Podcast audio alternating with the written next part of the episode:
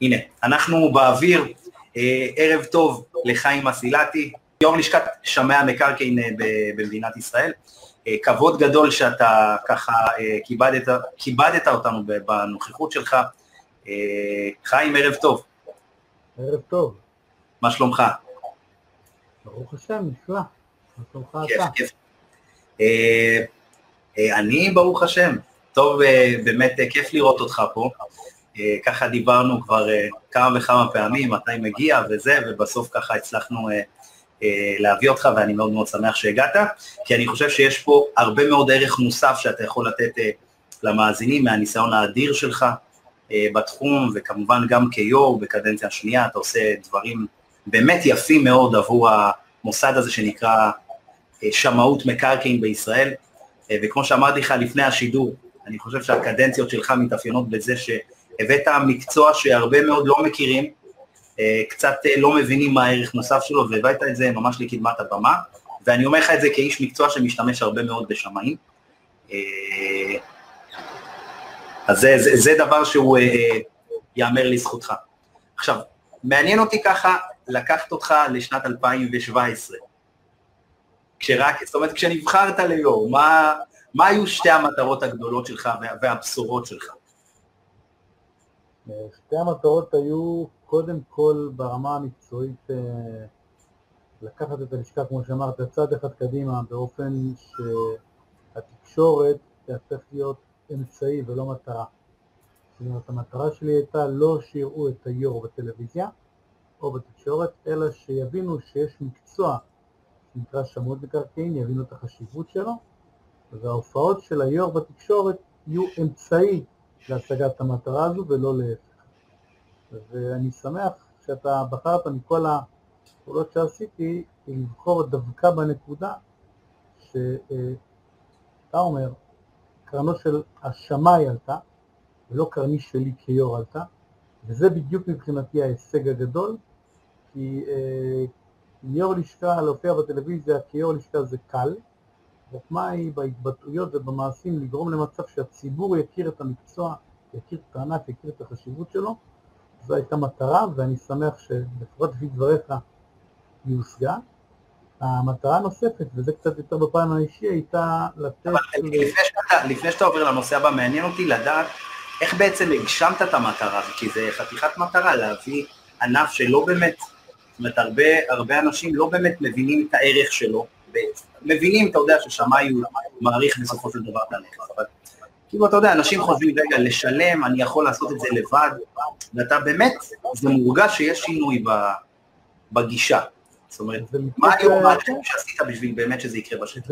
זה לתקוף את העניין משני כיוונים. קודם כל, מהיבט של הצרכן, אה, אני עשיתי כל מאמץ להגיע לכל פינה אפשרית, השתתפתי בעשרות פאנלים, רעיונות, רעיונות שטח, לא תקשורת, לא רק בערוצים המסחריים והגדולים, אלא הגעה אה, רגלית לפאנלים ולכנסים קטנים, גדולים, במרכז, בפריפריה, אה, ובעצם הצלחתי לשדר בעוד טיפה ועוד טיפה ועוד טיפה ועוד טיפה ועוד טיפה לקהל אודות חשיבות השמיים. תראה, אפשר לראות רעיונות ולשמוע רעיונות בכלי התקשורת המפורסמים, אבל אין כמו אחד על אחד או אחד על עשר או אחד על עשרים בקטע של להעביר מסר, ובסוף כשאתה עושה הרבה פעולות קטנות, הן מתגבשות לכדי פעולה אחת גדולה, שזו התוצאה שאתה מתאר עכשיו. והצד השני זה לבוא מלמעלה, לבוא לאותם מקבלי החלטות, אם זה הרשות להתחדשות עירונית, אם זה הבנקים, אם זה המפקח על הבנקים, אם זה כל מיני אה, יועצי משכנתאות וכיוצא בזה, ולהסביר להם, אם בדרך של אה, שיח נעים ואם בדרך של שיח קצת יותר מפחיד, למה לא עושים עסקה בלי שמאי ולמה מי שעושה עסקה בלי שמאי מסתכן ממש בנפשו.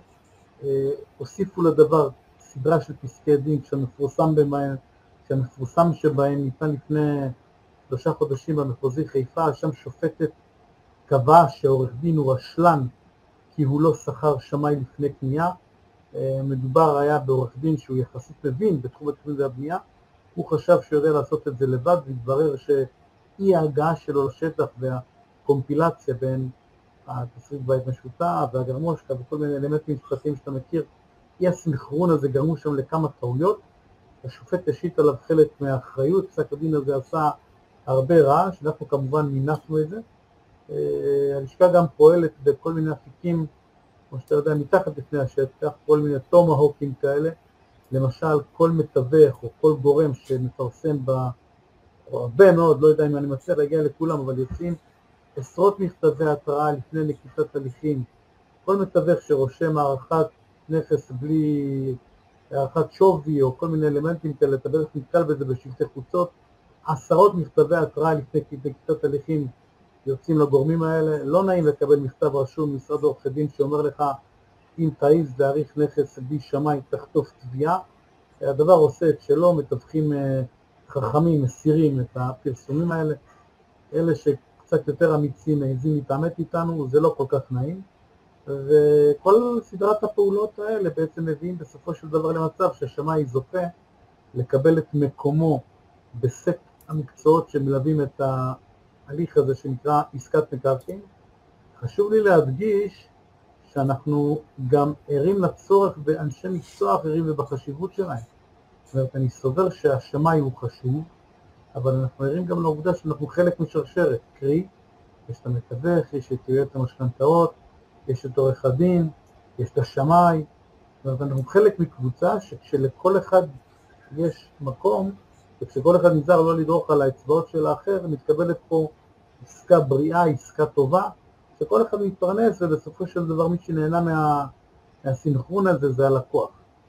אה, מי שרוצה ומעז להתקרב למקצוע שלנו, אז אנחנו דואגים להעביר לו איפה גבולות הגזרה, ואני שמח שזה עובד. אז, אז הדברים שבעצם, אה, אה, זאת אומרת, מה שגרם ל,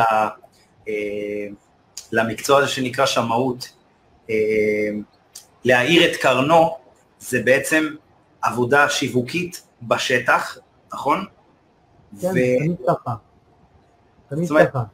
והרבה עבודה של יחסי ציבור, שפחות אה, אה, היית תקשורת יותר באמת בשטח אה, להרגיש הצבא עובד עם מסוקים, עם מטוסים, עם צוללות, אבל בסוף מי שכובש את היעד זה החירניקים, הם מגיעים בסוף, שמים את הדגל, אומרים הגענו לפה.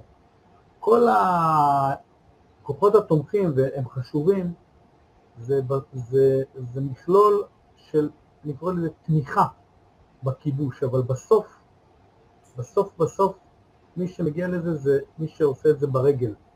ככה חונכתי, אני אגב גם חירנית, אני מאמין בשיטה הזאת, אני מאמין בעבודה קשה, אני מקבל בברכה כוחות שעוזרים לי, יש לנו מערך יח"צ מאוד אגרסיבי בלשכה, יש לנו מערך פייסבוק, יש לנו קבוצות פייסבוק, עכשיו הקמנו לאחרונה קבוצות וואטסאפ, יש לנו לוביסטים שפועלים בכנסת, אני נפגש תדיר עם אה, ח"כים ומקבלי החלטות ומנכ"לים כל זה נחמד, אבל בסוף, בסוף, בסוף זה ההגעה אל חבר הכנסת ולדבר איתו. השיחת טלפון לשרת המשפטים או לשרת הפנים או לשר הבינוי, הגעה לכנס דיירים בפריפריה, להקשיב להם, לדבר איתם, אין לזה תכלית, לשבת במשרד ו- וכל היום uh, להתראיין מלמעלה זה נחמד, זה לא עושה את העבודה. והנה אתה בעצמך אומר שהעניין הזה נושא פרי. אגב, חשוב לציין, לא אמרתי את זה בתחילת דבריי ואני רוצה לדייק את זה, זאת לא עבודה שנעשית לבד, יש מסביבי צוות של אנשים שעוזרים לי. לא רק אנשים שמשרתים את הלשכה, אלא נבחרי ציבור. יש את uh, מוריה רבני לדוגמה, שהקימה פורום נשים בלשכה, יש את חזקיה העצמי שבא איתי לכנסת, יש אנשי כספים ששומרים על איזון בלשכה, יש את אחד ממשרדי הציבור הטובים ביותר בארץ, גלעד מישר, שעושה עבודה נהדרת עם חברי הכנסת. בקיצור, יש המון המון גורמים שעוזרים לי. אני אכן בסופו של יום מקבל את ההחלטות, אבל אני מסתייע לאנשי מקצוע שלשמחתי הרבה זכיתי שהם מסביבי, ומדובר באנשים טובים, אנשים שרוצים, חלקם הגדול, כמו שאמרתי, בהתנדבות, וזו הזדמנות גם להודות להם, אלמלא הם, לא הייתי יכול לעשות את הכל לבד. אני, אני בטוח.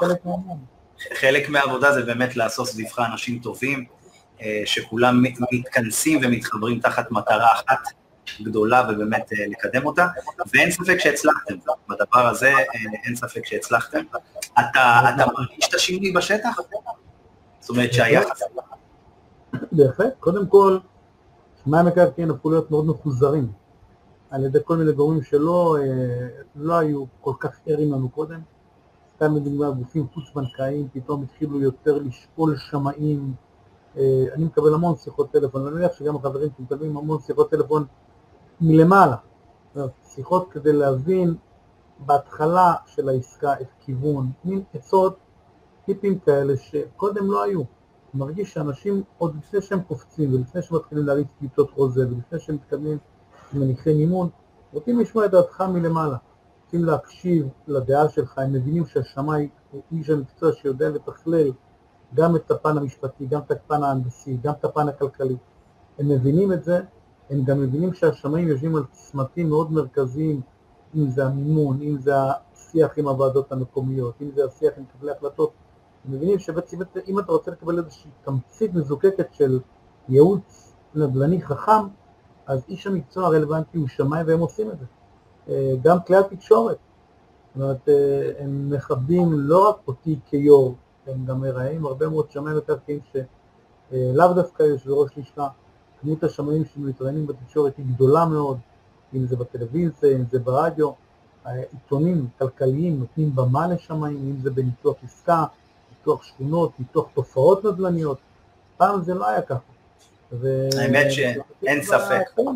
והיום אין ספק. תחפש, אם תחפש את המונח שמאי מקרקעין בתקשורת, אתה תראה אותו פרוס בעשרות כתבות. אנחנו גם גילינו את עולם המדיה, אנחנו נותנים שם בראש, איך שאומרים את אנשי פייסבוק שעושים עבודה מעולה, אני אשתדל לספק להם את הפוסטים והם משכילים אה, אה, למנף אותה, וגם שוב, לא רק פוסטים שלי, פוסטים של אה, חברים ללשכה, האתר של הלשכה, אם תיכנס אליו תראה, רצים שם סרטונים, טיפים של שמאי מקרקעין, אנחנו הצלחנו לארגן משהו כמו 80-90 סרטונים בני דקה, טיפים שמאים כאלה, בולטים כאלה, יש שם 80 שמאים שמופיעים ומדברים על הכל, אם זה ייעוץ בקרקע חקלאית, רכישת דירה, דייר מוגן, תביעות פיצויים, הפקעות, משכנתה, יש שם... דיברת, דיברת על נקודה שאני חושב כדאי שאפילו נעמיק בה. קרקע חקלאית, הרי יש מה שנקרא את התקינה השמאית תקן 22, נכון? נכון? כאשר רוכשים את הזה. בוא תסביר לנו למה חשוב, לפני שנכנסים לעסקה של... אה, אני לא אשאל אם כדאי או לא, כי זה לא התפקיד שלנו, אם כדאי להיכנס. כרגע לא נתעסק באם כדאי לקנות עסקה אה, של קרקע חקלאית או לא. התפקיד של השמאי בעסקה כזאת, מה, מה החשיבות שלו? קודם כל בוא נדייק, זאת לא קרקע חקלאית, זאת קרקע ספקולטיבית. ככה היא מוגדרת. אה, וכשמה כן, יש פה ספקולציה אדירה. מה שקרה בשוק זה שעד אה, נגיד לפני שנתיים שלוש, מחירי הדיור בישראל היו עוד זולים, מה שאפשר לאנשים 300-400 אלף שקל לקנות דירה. אה, אפילו בפריפריה, אפילו דירה קטנה, ולקנות דירה ולהיכנס לשוק הדירות, לשוק דירות המגורים. ככל שמחירי הדיור עלו, אז אה, סכום של 200-300 אלף שקל הלך והתרחק, זה כבר לא מספיק לקנות דירה. ואז בעצם כרטיס הכניסה לשוק הנדל"ן, שוק הדיור, הדיור למגורים נהיה יותר יקר, ואנשים מתוחכמים בשוק עשו דרך אה, לרדת לאותה מדרגה של האנשים שיש להם 100, 150, 200 אלף שקל בבנק ורוצים להשקיע להם בנדל"ן. ואז הם ייצרו את אותו מוצר שנקרא קרקע ספקולטיבית, והם עובדים בשיטת הצ'ייסרים. אתה יודע, אתה קונה בקבוק קרק בסופר ב-50 שקל, מביא אותו לבר ומוכר אותו בצ'ייסר, כל צ'ייסר עולה 20 שקל, ואז קנית בקבוק ב-50, מכרת אותו ב-2,000 שקל. זה בערך מה שקורה בקרקעות החקלאיות. בא בן אדם, קונה עשרה דונם באמצע שום מקום, והוא מנסה בדרך כלל, או לא בדרך כלל, לפעמים למכור חלומות. ותלוי עד כמה ורוד הוא יודע לצבוע את החלום, וכשהוא בעצם מוכר את החלום הוא כבר מצייר לך איזשהו מגדל וירטואלי, ואתה קונה כבר זכות לדירה בקומה 18, 127 מטר עם מרפסת, כבר מצייר ובונה לך את החלום, וכגודל החלום כך גודל האכזבה. בגלל שהרשות להגנת הצרכן קלטה את אותם מוכרי חלומות, היא הכריחה כל מי שמוכר קרקע חקלאית ליותר משני אנשים להשתמש, הכריחה, זה חוק, הכריחה כל מי שמוכר קרקע ליותר משני אנשים להציג בפניו שומה לפי תקן 22. מה בעצם יש בשומה לפי תקן 22? אם השמאי עושה את השומה כהלכה, הוא בעצם אמור לצייר לך את הלבן ואת השחור בעסקה. הוא אמור לתת לך שני מספרים, את המספר, המספר הראשון זה המספר של מה ש... כמה שווה הקרקע אם היא לעולם לא תופשר. זאת אומרת, אם ימשיכו לגדל עליה כרובית לנצח. והקצה השני זה מה יקרה אם הקרקע תופשר מחר בבוקר. ואז בעצם למתבונן החכם יש את הקצה הלבן ואת הקצה השחור, בלי גוונים של אפור באמצע. אותו מתבונן חכם, אם הוא באמת חכם, אמור להבין שהמספר הוא איפשהו באמצע, הוא יכול לפנות לשמיים ולבקש גם כמה גוונים של אפור. למשל, כשהמשרד שלי עושה שומה לתקן 22, הוא לא אומר לך רק 0 ו-100, הוא עושה טבלת רגישות באמצע ואומר לך, תשמע בן, אם הקרקע לא תאושר לעולם, דונם שווה 30 אלף שקל. אם הקרקע תאושר מחר בבוקר, דונם שווה 800 אלף שקל, אבל היום היא שווה בין ה-250 ל-300, אנחנו אנחנו גם מספרים לצרכן איפה אנחנו פחות או יותר מאמינים שהטווח שווי נמצא נכון להיום. אלא מאי? שלא פעם אנחנו רואים הרבה מוכרי חלומות שלוקחים את השומה הזו ומציגים אותה באופן טיפ-טיפה בעייתי. לדוגמה, את המספר הוורוד, 800-900 אלף שקל לדונם, הם רושמים ומדגישים בבולד ככה גדול, יפה, ואת המספר הקטן, את אותה אופציה שהקרקע לא תופשר לעולם, הם שמים באיזושהי הערת שוליים קטנה. צריך מאוד להיזהר מזה, כי בקרקעות ספקולטיביות יש ספקולציה, כמו שאומרים קרקע ספקולטיבית, ומהי הספקולציה? אני סתם אתן לך כמה אנקדוטות שהרבה לא ערים להם, לדוגמה נדל"ן באופן כללי יש בו איזה מרכיב ספקולטיבי. נכון, אבל בקרקעות האלה במיוחד, כן, גם כי זה הרבה יותר חריף. השם שלהם הוא כזה וגם סתם לסבר את האוזן. אה, אה, כשקרקע שמסומנת קרקע חקלאית או קרקע ספקולטיבית, רוצה, אה, רוצים, כשרוצים להפשיר אותה, אז כולם מטבע הדברים מסתכלים על התוכניות, על התוכניות המקומיות, על התוכניות הארציות, למה מיועדת אותה קרקע במסגרת אותה התוכנית. מה שהרבה לא יודעים זה שבישראל יש ועדה, והיא נקראת הוולקחש"פ, הוועדה לשימור קרקעות חקלאיות ושטחים פתוחים.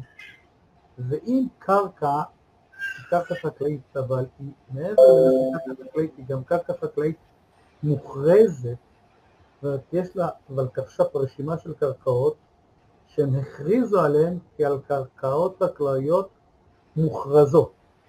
אם הקרקע החקלאית היא קרקע חקלאית מוכרזת, לא משנה כמה מהר תרוץ אותה ועדה להפשיר אותה, עד שהוולקחש"פ לא ייתן אישור, קרקע לא תופשר.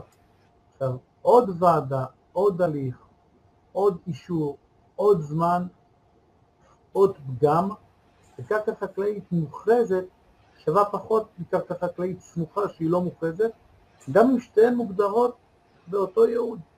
אז הנה למשל דבר... זה משהו שנותנים עליו את הדעת בתקן... לא, בתקן 19 כן, אבל, ב, אבל משווק ממוצע... ב-22 לא נותנים, משווק לא יגיד לך. בתק, בתקן 22 השמאי נותן את דעתו. שמאי שיעשה תקן 22 כהנחה, ייתן דעתו. אבל משווק, לא רוצה חלילה לפגוע בכלל ציבור המשווקים, כי יש גם משווקים הוגנים ויש פחות, אבל בכלל, לא פעם אני מקבל פה טלפונים, ואני נהנה מאוד מהשיחות האלה, שמציעים ואומרים לי, שלום אדוני, אנחנו רוצים להציע לך קרקע ב-99,000 שקלים. ואז אחד הדברים הראשונים שאני שואל את אותו משווק, אותה אה, נערה שמתקשרת לקרוא לי את המוצר, אני שואל אותה, תאמרי לי, אה, למה מיועדת הקרקע בתוכנית המתאר הארצית? היא בכלל לא יודעת לענות, היא בכלל לא יודעת מה זה תוכנית מתאר ארצית. אני שואל אותה, תגידי, הקרקע היא מוכרזת או לא מוכרזת? היא לא יודעת. אני שואל אותה, תגידי, היא עוברת תשתית? על הקרקע, עובר שם איזה קו מתח גבוה, איזה מסילת ברזל מתוכננת, היא לא יודעת. באמת, עכשיו, הרבה מאוד פעמים... ואת כל זה יש לי בשמאות, בתקן 22. בשמאות, לפי תקן 22, יש לך האם הקרקע מוכרזת או לא לפי אבל כך הייעוד של הקרקע לפי תוכניות מתאר מקומיות, הארציות ומחוזיות.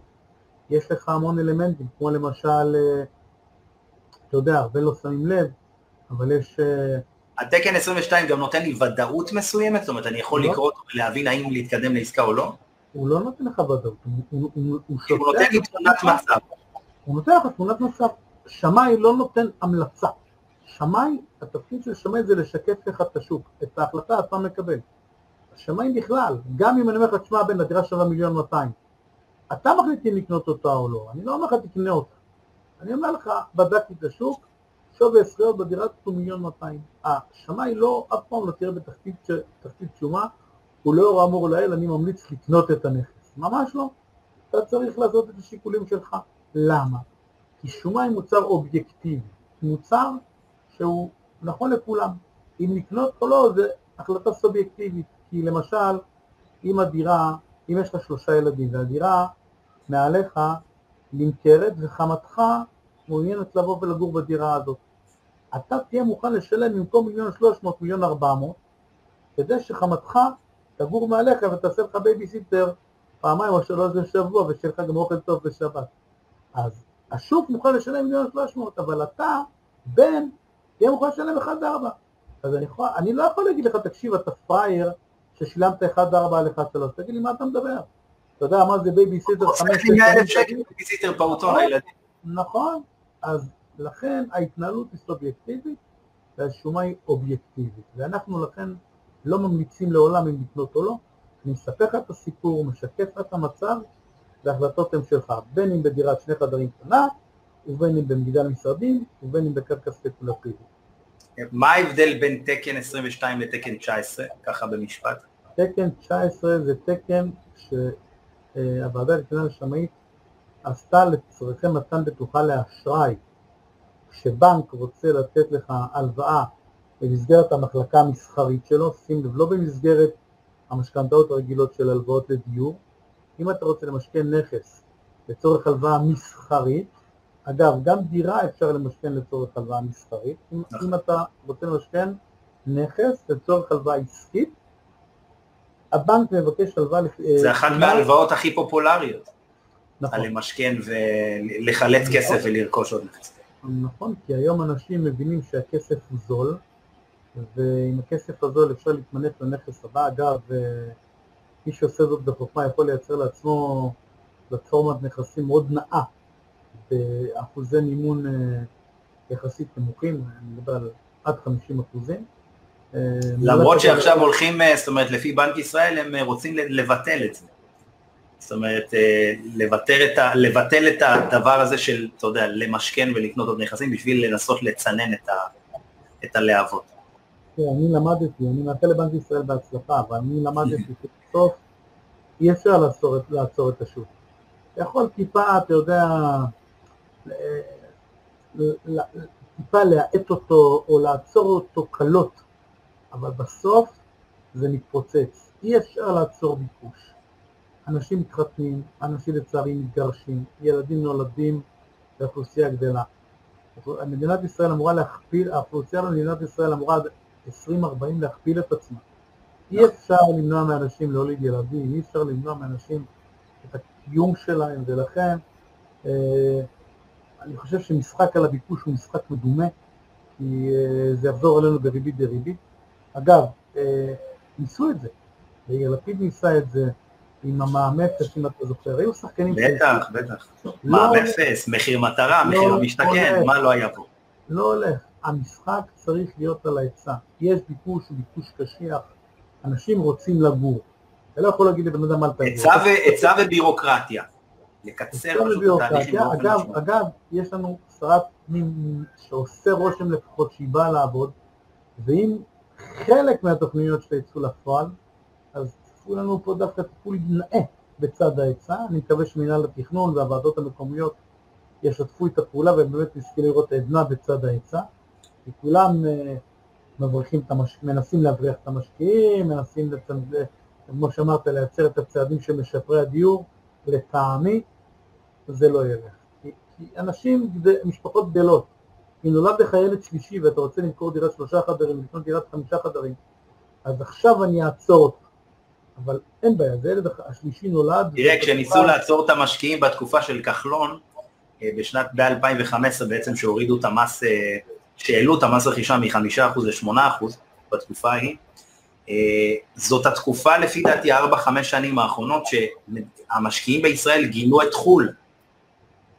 נכון. עשרות מיליארדים עברו לחו"ל, עם משקיעים שפתאום גילו את אתונה ואת גיאורגיה ואת אדסה וכל האזורים שיותר קרובים, וארצות הברית, שפרחה בחמש שנים האחרונות. ומה קורה עם האנשים האלה היום? הם באים לפה, אין בעיה, אז עצר אותם שלוש-ארבע שנים, סבבה. עכשיו, מה קרה שם? שם הם צברו כסף, בדיוק, בדיוק. יפות, יופי. עכשיו הורידו את מס הרכישה, הם חוזרים לפה עם יותר כסף. זה מדהים. זה דרך אגב, יש לי לקוח כרגע שאני מלווה, עם שלושה נכסים בארצות הברית, ועכשיו הוא רוכש נכס בבאר שבע. בדיוק כן, מה שאמרת. כי הוא חוזר עם יותר כסף. בדיוק. ויותר אומץ ויותר ניסיון. נכון. ואז הוא מתחרה במי? בזוגות הצעירים. אחד לאחד, בדיוק. שגרו אצל, חמה, אצל החמה בשלוש שנים שהוא עשה כסף, וחסכו את הגרוש ללירה והצליחו לייצר עוד מאה אלף שקל הון עצמי, אבל הוא בינתיים עושה גם כסף. אז מה קורה? אין בעיה, אז הזוג הצעיר בא עם עוד מאה אלף שקל, המשקיע הלך, עשה סיבוב בחו"ל, חוזר הרבה יותר חזק. הורדת לו את מס הרכישה, הוא יותר חזק, איפה הוא ואיפה הזוג הצעיר, הפער בין המשקיע לזוג הצעיר גדל פי כמה. אז להפך, תן לזוג הצעיר את האפשרות להגשים את החלום. איך? באמצעות הרבה דרכים אחרות. אני אמרתי למשל, אה, אה, למשל המכרזים של מינהל מקרקעי ישראל, לא יודע אם אתה ער לזה, אבל היום המכרזים של המינהל יוצאים לפי המרבה במחיר. מי שנותן את ההצעה הכי גבוהה... נכון, עכשיו מדברים על השנייה, על ההצעה השנייה. אז אני, אני נכון, אז יש שלושה רעיונות שאני נתתי לשרת הפנים. הרעיון הראשון היה, כמו שאמרת, ללכת כך שההצעה השנייה בגובה היא זו שתזכה. ואז אותו משוגע שהתפוצץ כלפי מעלה לא יזכה. ההצעה השנייה שנתתי זה מי שהכי קרוב לממוצע הצעות, ואז אנשים ינסו להמר על מה יהיה הממוצע וינסו להתקרב אליו. וההצעה השלישית שהיא לדעתי יפה יותר מהשתיים האחרות, זה פשוט לקבוע שווי, להגיד חבר'ה שלום, הנה אנחנו רוצים למכור פה קרקע לפי 500 אלף שקל ליחידה, כל מי שמסוגל לתת את ההצעה ב-500 אלף, שייתן הצעה. ואז גם חברות קטנות יוכלו להיכנס למשחק הזה, יעשו הגרלה מבין כל המציעים בסכום שנקבע מראש, ויקבעו שיזם לא יכול לזכות ביותר ממתחם, ביותר מפרויקט אחד במתחם, יקבעו שמי שיכול לזכות זה רק קבלן רשום, בקיצור יצמצמו את ההיצע ויתחמו אותו באופן שמי שיזכה ודאי גם יגמור את הפרויקט ולא יתחיל לאלתר כל מיני קבלנים כאלה ואחרים. שותפים תוך כדי הפרויקט. שותפים תוך כדי תנועה, רק קבלנים רשומים.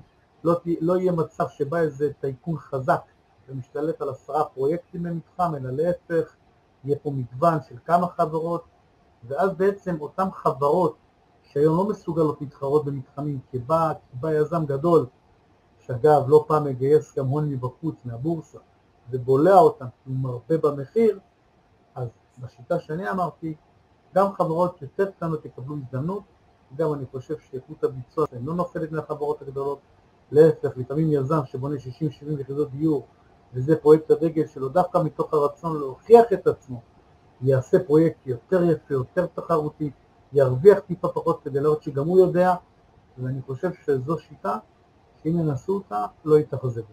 אגב, כל מה שאמרתי לך נכתב לשרת המשפטים ולשר הבינוי, אני במקרה משווק ליזמים כאלה, כמו שאמרת, קטנים ובינוניים, ואני מסכים איתך, איכות בנייה מאוד גבוהה.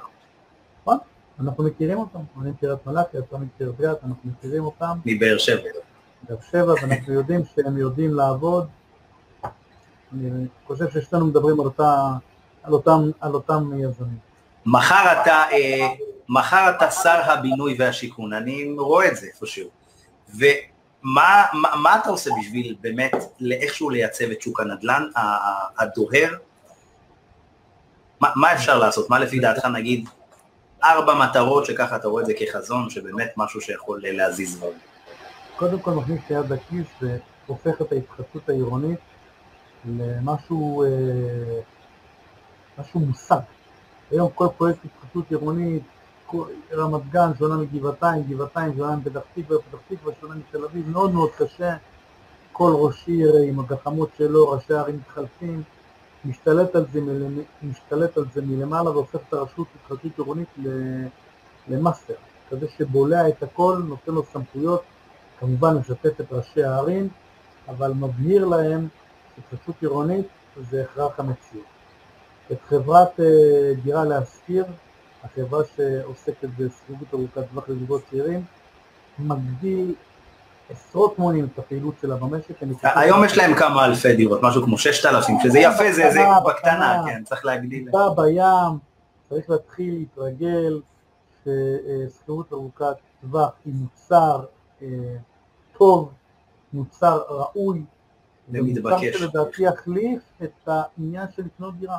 אגב, לקנות דירה זה לא תמיד כלכלי, אנחנו פשוט בגלל ההיסטוריה של העם היהודי כנראה התרגלנו לראות את הנכס בטאבו, אבל uh, צריך טיפה לשחרר, ואני חושב שדור ה-Z כבר מתחיל להבין את זה, הוא פחות רוכש דירות, יותר שוכר דירות לטווח ארוך. זה משקיע, יש לא מעט uh, אנשים שאנחנו מלווים. הוא מבין שאפשר לשכור דירה בתל אביב, בכיף, 6,000-7,000 שקל לחודש, לא חייבים לחנק, וביתרת הכסף שלו הוא עושה השקעות, השקעות בשוק ההון, השקעות בסטארט-אפים, ושם הוא מניב תשואות הרבה יותר מ...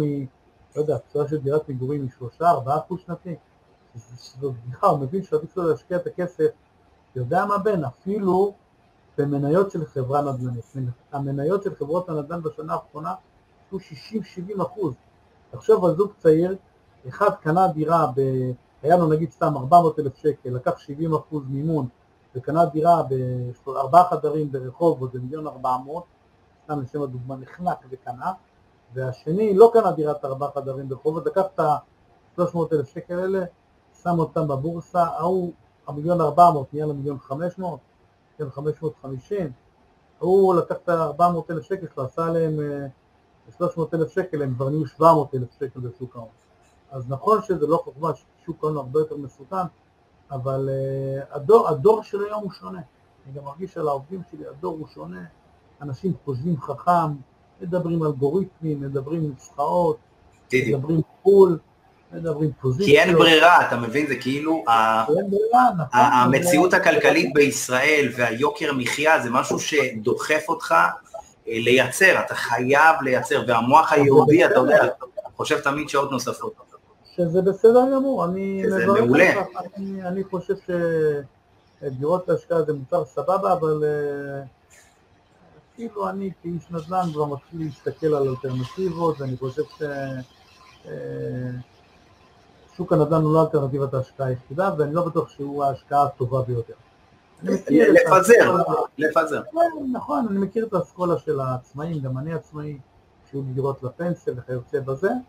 אבל לא בטוח שאם היום יש לי מיליון שקלים, אם אני אשים אותם בקרן פנסיה, או אם אני, מוטת מניות, או אם אני אשים אותם בדירת אה, שלושה חדרים ב, בנתניה, איזה דירה שתיים וחצי חדרים באיזו שכונה ישנה בנתניה, מיליון, מיליון מאה, ואני לא בטוח שבעוד עשר שנים הדירה הזאת תהיה שווה יותר ותיתן מקצוע טובה יותר מאשר אה, אה, קרנות פנסיה, שבדיוק הבוקר דיברתי עם היועץ השקעות שלי, אם תסתכל על הקרנות מוטות המניות, אז הם עשו סדר גודל של בין 30 ל-40 אחוז ב-12 שנים האחרונות.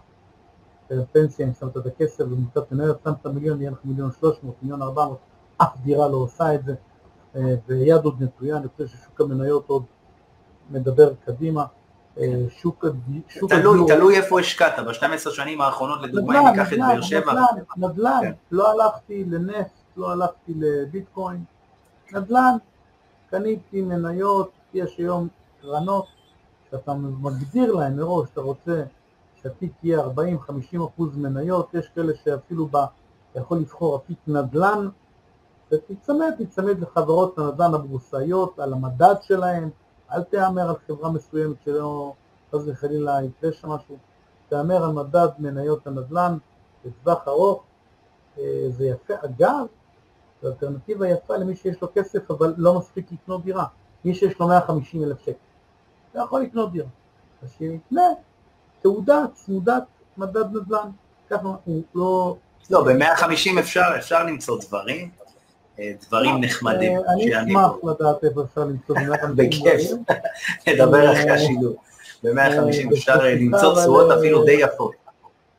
אני מאוד אשמח, אולי תיקח אותי לערד או מצפה רמון, אבל אה. יש, יש, יש ערים מעניינות שמתפתחות. תראה, אופקים לדוגמה, בחמש שנים, שש שנים האחרונות, עשתה, עשתה עלייה מדהימה, אחי. תבין שלפני ארבע וחצי שנים ליווינו שם לקוחות שרכשו קרקעות, ב... אני מדבר על זכאים במשהו כמו 240 אלף שקל, היום הם בנו וילה, הווילה שווה כבר 2, 2, 2, 3, 2, 4. שתבין את ה...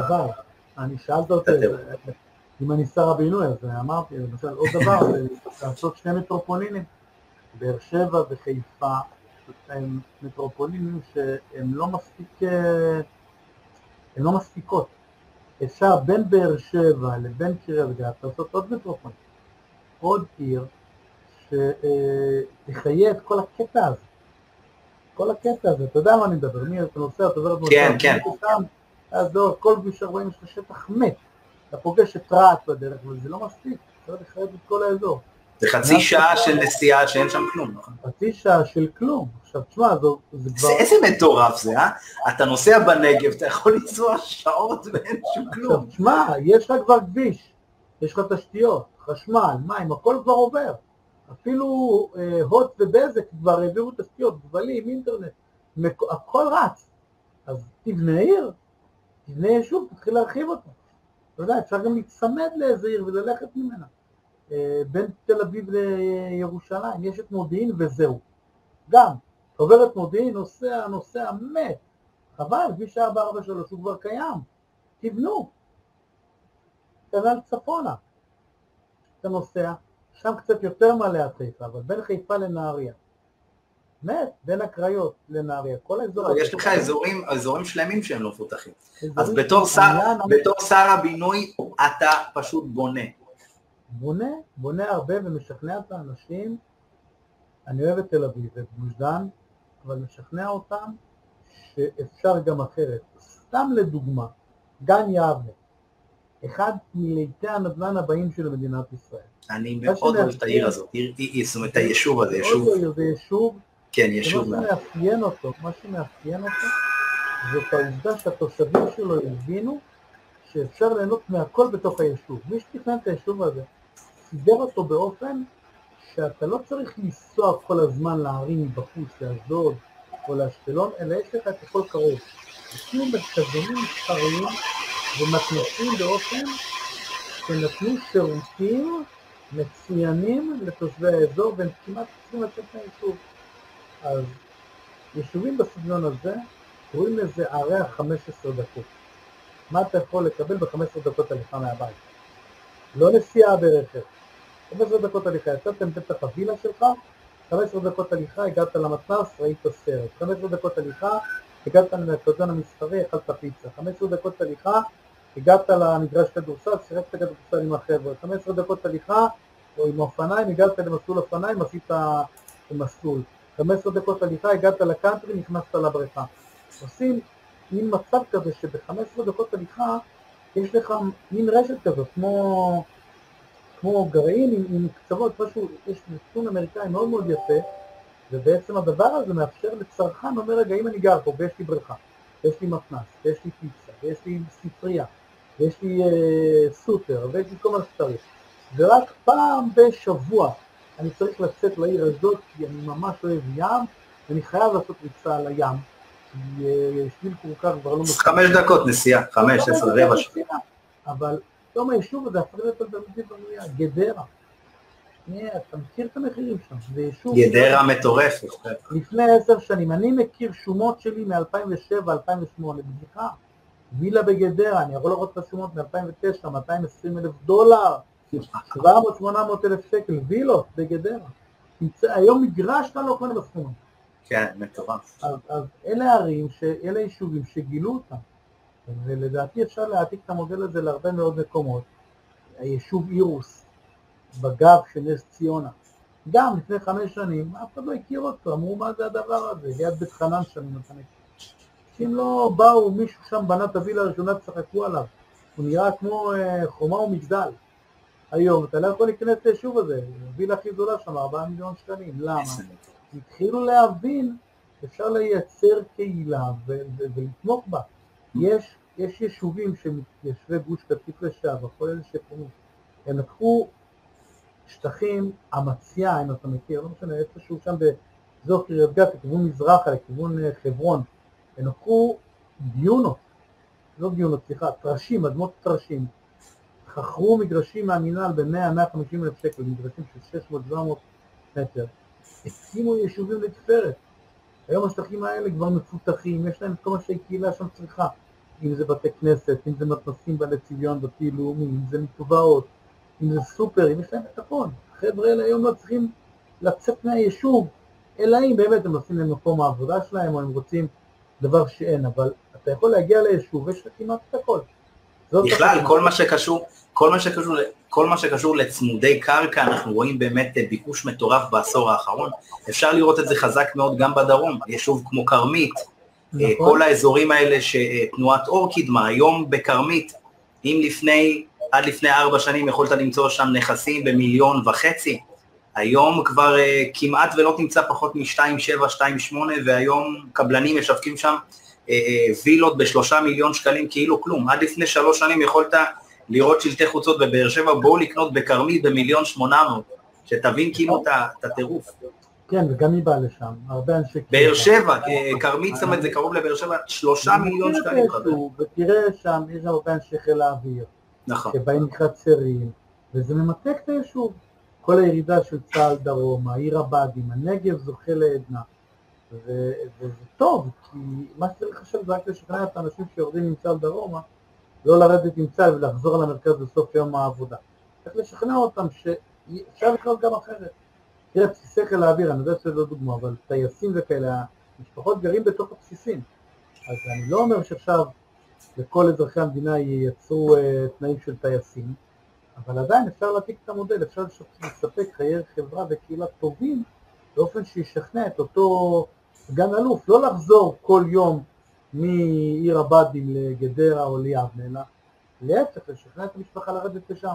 איך הוא ישכנע את המשפחה? אם לילדה שלו בת ה-16 יהיו חוגים וחברות, אם לילד הקטן יהיה את כל מה שהוא צריך מבחינת חבר'ה, אם, אם תיווצר שם קהילה שתספק את איכות החיים הרצויה, מה שיש ביישובים אחרים, אז אנשים ירדו לשם. אתה מכיר את יישובי גדרות, הסרט, בניה, כפר מרדכי, מה בעצם מספקים היישובים האלה? קדרון, כן, יישובים ברמה. חיי קהילה. הם מספקים חיי קהילה, הם באים ואומרים לך בוא תגור אצלנו, כי פה יהיה לילדים שלך גם את חיי החופש המושביים, המושבניקים האלה, ילד בסנדלים שמתרוצץ עם אופניים באופן די חופשי מצד אחד, מצד שני, יהיה לך פה את הכל, יהיה לך פה מתנ"ס, יהיה לך פה בריכה, ויהיה לך פה אה, הרצאות איכותיות, ויהיה לך פה כל מה שצריך כדי לחיות בסבבה, ואם בא לך באמת משהו קצת מעבר, שבע דקות, כמו שאמרנו, אתה באשדוד או בראשון. עכשיו, אם אתה, אחרי שדיברנו באמת על אסטרטגיה ודברים מאוד אה, חשובים ברמת המאקרו, בואו נדבר ככה תכלס על, אה, על העבודה של השמיים. למה קונה בעצם, אתה חושב כאילו, אה, אני קונה שגם לוקח משכנתה, כאילו למה לא לשלם נגיד פעמיים שמאי? למה לשלם פעמיים? כי הרי יש לך את הטרום שומה במידה והוא רוצה להביא אותו, ויש גם את השמאות הזה, כאילו, למה, כאילו, למה לפי דעתך? שומה לפני קנייה אפשר להסב לבנק, אבל זאת לא השאלה. השאלה היא, היא, היא למה בכלל להזמין שמיים לפני קנייה? ואני אשאל אותך, תאמר לי, כשאתה קונה ז'קט, מה אתה עושה קודם? אתה מגיע לקופה של קסטרו, שם 500 שקל בקופה, אומר לה, זה שלך, מה שלא יהיה, ואחר כך הולך לבחור ז'קט, או בוחר ז'קט, רואה שהוא יושב עליך, ואז בא לקופה, מה אתה עושה קודם? האופציה השנייה כמובן. האופציה השנייה, נכון? אם אתה רוצה לקנות עגבניות, עכשיו, אתה, אם אתה רוצה עגבניות לשקשוקה, אתה צריך עגבניות רכות, עגבניות לסלט, עגבניות קשות, נכון? כשאתה בא לרמי לוי, מה אתה עושה? אומר, לוקח 20 שקל, אני הולך לקנות לו עגבניות, או שאתה קודם הולך לעמדה של העגבניות, רואה שיש עגבניות קשות לסלט, ורק אחרי שמצאת קילו לשביעות רצונך, אתה בא לסופר, ו... נכון, בדיוק. כשאתה קונה טויוטה, יש לך ילד, הוא מתבגר, אתה רוצה לקנות איזה טויוטה יד שלישית, 15,000 שקל, לא משהו יקר.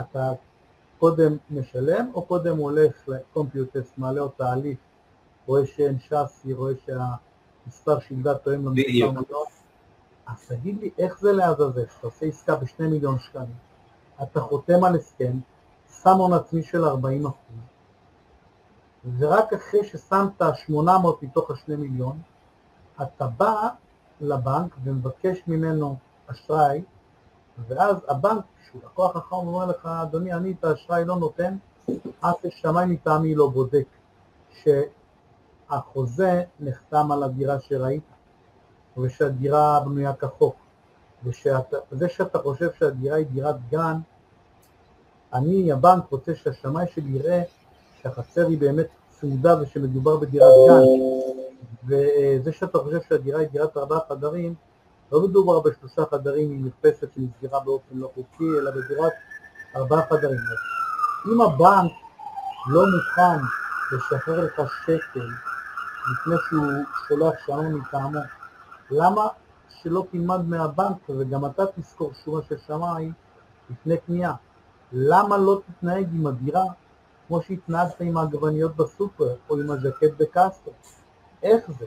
איך זה שאתה קונה דירה בשני מיליון שקלים, במיליון שקלים, אתה יודע, דיברנו קודם על 150 אלף שקל, אמרת לי, אתה יודע שהרכב הכי, הדירה הכי זולה, כמה הדירה הכי זולה בישראל?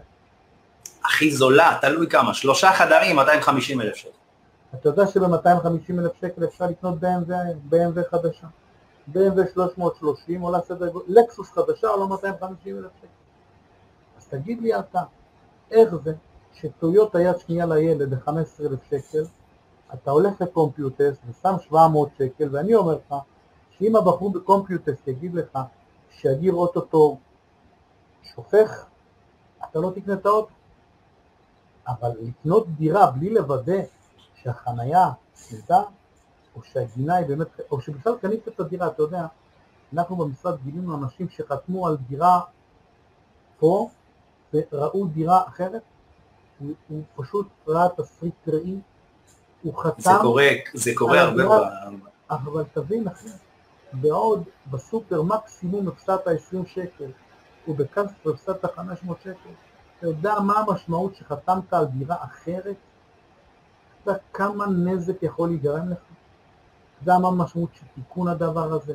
מה המשמעות של הזמן שחולף עד שאתה מתקן? אתה איש נדל"ן, הבנק שומר ריביות למשך זמן מסוים. אומר לך, אדוני, יש לך 12 יום, זה הריבית. מצידי לא הצלחת לתקן כן את הבעיה שלך.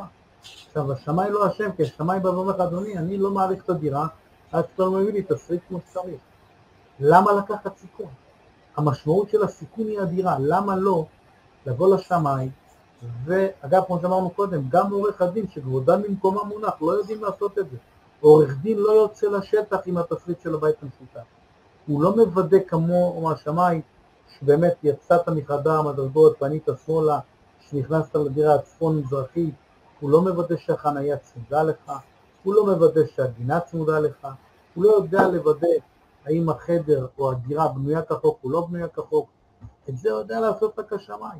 איפה הפרופורציה? הרי אני עוד פעם לא רוצה לפגוע באיש, אבל למה לשלם למתווך 2% נראה נורמלי?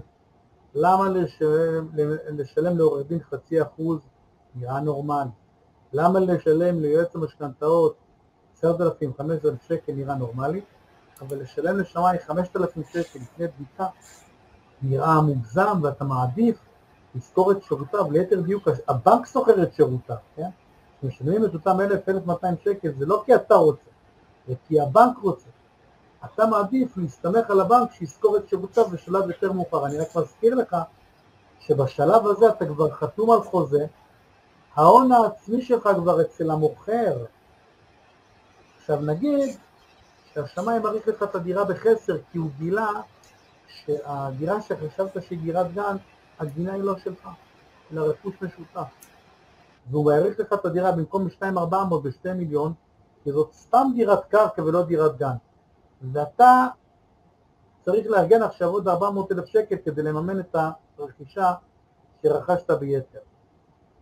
אתה מודע לזה שאם לא תצליח, זכותו של המוכר ללכת לבית משפט ולאכוף עליך את החוזה, לא רק זה שתצטרך לשלם את הקנס על האיחור בגין אי העברת התשלומים בזמן, אתה גם תיאנס על ידי בית משפט להשלים את הקנייה. אתה תצטרך לארגן עוד 400 אלף שקל, להעביר אותם למוכר ולקנות דירה שחשבת שהיא דירת גן, אבל בפועל היא סתם דירה בקומת קרקע. אז גם ארגנת עוד 400 אלף שקל, גם שילמת קנס, שזה בדרך כלל 10 אחוז, וגם בסוף קיבלת דירה שלא התכוונת אליה. כל זה למה? כי רציתי לחסוך 5,000 שקל. נשמע לך הגיוני? שכר טרחת השמיים הוא בכלל לא פרופורציונלי לסיכון שהוא, שהוא מונע ממך. איך, איך אפשר בכלל להשוות את הסיכון לעומת שכר טרחת השמיים? עכשיו, לגבי העניין של הקונה, האמת שאותי ממש שכנעת, אין לי ספק שגם את המאזינים. עכשיו, למה מוכר לפי דעתך צריך שמאי ונסיים בזה? כי אני חושב שזה מאוד מאוד חשוב להבין את זה. תגיד את זה ככה בקצרה. כי, כי מוכר, הישראלים לא אוהבים לצאת פריירים. תחשוב שימכור את הדירה ב-1.7, ואחרי שבוע הדירה לידו בול אותו דבר תמכר ב-1.9, איך הוא ירגיש? פרייר, נכון, הוא יבוא לכם ויגיד עשיתי עסקה ב-1.7, ויגידו למה את נודדת? אני דירה לידך מכרתי ב-1.9. אז כדאי למוכר. כן, ואם הוא יגיד לך, אבל יש לי היום מדלן ורשות המיסים, איך, איך תוקפים את זה? מדלן ורשות המיסים זה נחמד. אגב, את רשות המיסים מעטים יודעים לנתח. האלגוריתמים שמנסים לנתח את העסקאות ברשות המיסים אה, חוטאים למציאות לא פעם מכיוון שהנתונים ברשות המיסים לא מדויקים. הרי מי מזין את הנתונים ברשות המיסים? מי שמזין אותם זה עורכי הדין שמדווחים על העסקאות. עכשיו, מי כמוך יודע שלפעמים עורך דין שרוצה, נגיד דירה שנמכרה במיליון וחצי, אוקיי? אז העורך הדין מדווח מחיר העסקה מיליון וחצי, ואז השאלה באה, שטח הדירה. חלק מעורכי הדין מסתכלים בארנונה, לא קשור לשטח הדירה. חלק מעורכי הדין מסתכלים על נסח הטאב, לא קשור לשטח הדירה. ואז כשעורכי דין מזינים פעם לפי שטח ארנונה ופעם לפי נסח טאבו, נוצר עיוות. ואז אם תסתכל הרבה פעמים אתה תראה שהניתוח של עסקאות מראה שפה מכרו בעסקה אחת לפי 20 אלף שקל למטר, עסקה אחת ב-13, עסקה אחת ב-18, עסקה ב-22, נהיה בלבלה. למה? כי כל אחד זורק שטח איך שבא לו. מספר חדרים. אני אומר לך שמעטים מהאנשים יודעים להגדיר מספר חדר. הידעת שחדר צריך להיות בשטח של שמונה מטרים ובמינימום של 2.60 לכל אחת מצלעותיו, אתה כמתווך בא, מראה דירה, שואל את המוכר כמה חדרים, אומר לך ארבעה חדרים, אתה מודד, ויש לך שלושה מטרים צלע אחת, שתיים ארבע צלע אחר, לא חדר, חדרון, אתה לא יכול לדווח עליה כדירת ארבעה חדרים, כדירת ארבעה חדרים. למרות שיש שם מיטה וספרייה והכל טוב, זה לא חדר כהגדרה. ולכן כשמדווחים לפי חדרים, מי שלא מודד כמו שצריך, יוצר, ב, יוצר עיוות במחיר פר חדר.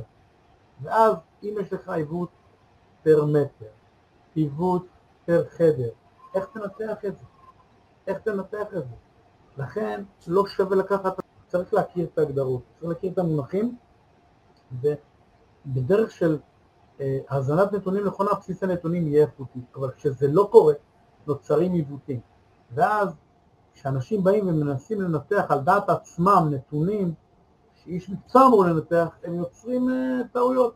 כמו שאני, שכואבת לי השן, אני לא אכנס לאינטרנט ויראה איך מטפלים בשן, ואתחיל לשים כל מיני דברים שגוגל יגיד לי, אלא אלך לרופא השיניים שלי ויטפל, וגם אתה, אני לא, לא מאמין שאתה עכשיו, אם אה, הנורה באוטו שלך תידלק, אז אתה לא תעצור בצד הכביש, תיכנס לגוגל, תגיד שנייה בוא נראה, אולי נחליף שמן, תפתח, תגיד רגע, אולי, אה, אולי אה, זה לחץ מנוע, אולי, לא, אתה תיכנס למוסך, ואתה תצלם איש מקצוע, כי אתה לא תעז לעשות את זה לבד, משתי סיבות, א', אתה יכול להזיק לרכב, ואתה יכול להזיק לעצמך, ויהיה לזה מחיר כלכלי כבד. אז תסביר לי אדוני היקר, איך זה שבכל דבר בחיים שלנו, חולצות, עגבניות, רכבים, אתה לא עושה עסקה בלי לבדוק. אתה רוצה לטוס ליוון, חופשה, עכשיו, עזוב תורן, אתה רוצה לטוס עם משפחה סוף שבוע. אתה לא תבדוק באיזה שש, שבע חברות לפחות איזה מלון, מחיר טיסה, חד וחלק. אז איך, איך זה שבחופשה של עשרת אלפים שקל אתה בודק, בז'קט של חמש מאות שקל אתה בודק, באוטו של חמש עשרה אלף שקל אתה בודק, בעגבניות של עשרים שקל, הרי סיכמנו... תגיד לי חיים, איך זה, איך זה בעולם? זאת אומרת, היחס ל, ל, לשמאים מבחינת... לא מעזים, לא מוכרים וקונים? זאת אומרת, יש בהם ישראל כרגע? לא מעזים לעשות עסקה בלי שמאי, יש שם תיק נכס שמצורפת אליו שומה. לא מעזים. אף אחד בארצות הברית לא קונה נכס בלי לקבל נכס עם תיק שמאי שמצורפת אליו שומה. תראה מה זה. נכון? אז כמו שהתחלת את השיחה, אני מקווה שבקדנציה שלי, מה שעשיתי ומה שיש לי עוד שנה וחצי לתפקיד, אני בעזרת השם אמשיך להגביר את המודעות, והרבה גם בזכותך ובזכות הבמה שאתה נותן לי שם. ואני מקווה שעם ישראל יבין שהסיכון הוא אדיר. אנשים לא מבינים, אני אומר לך, אתה מוזמן לשבת פה יום עבודה במשרד. אנשים בוכים, אנשים מתקשרים, ואתה מספר להם סיפור, לא כי אתה איש הרע. הוא, הוא שואל, למה נתת לי 800 ולא מיליון? אתה מסביר לו שמה שהוא קנה זה דירת שני חדרים, וכל החמישים מטר שהוא חושב שזה ארבעה חדרים, זה חדרים שנבנו בלי היתר. הוא לא מבין, הוא לא מאמין. אתה יודע, מי שסוגר פרפסת, יפה, הוא סוגר אותה בדרך כלל עם בריקים, והוא עושה כזה לפרגולות, זה לא ש, שהסלון הוא לא, 70, הוא לא 50 מטר אלא 30, ושמה שהוא ראה כחדר נוסף זה בכלל איזה משהו שהמוכר שם,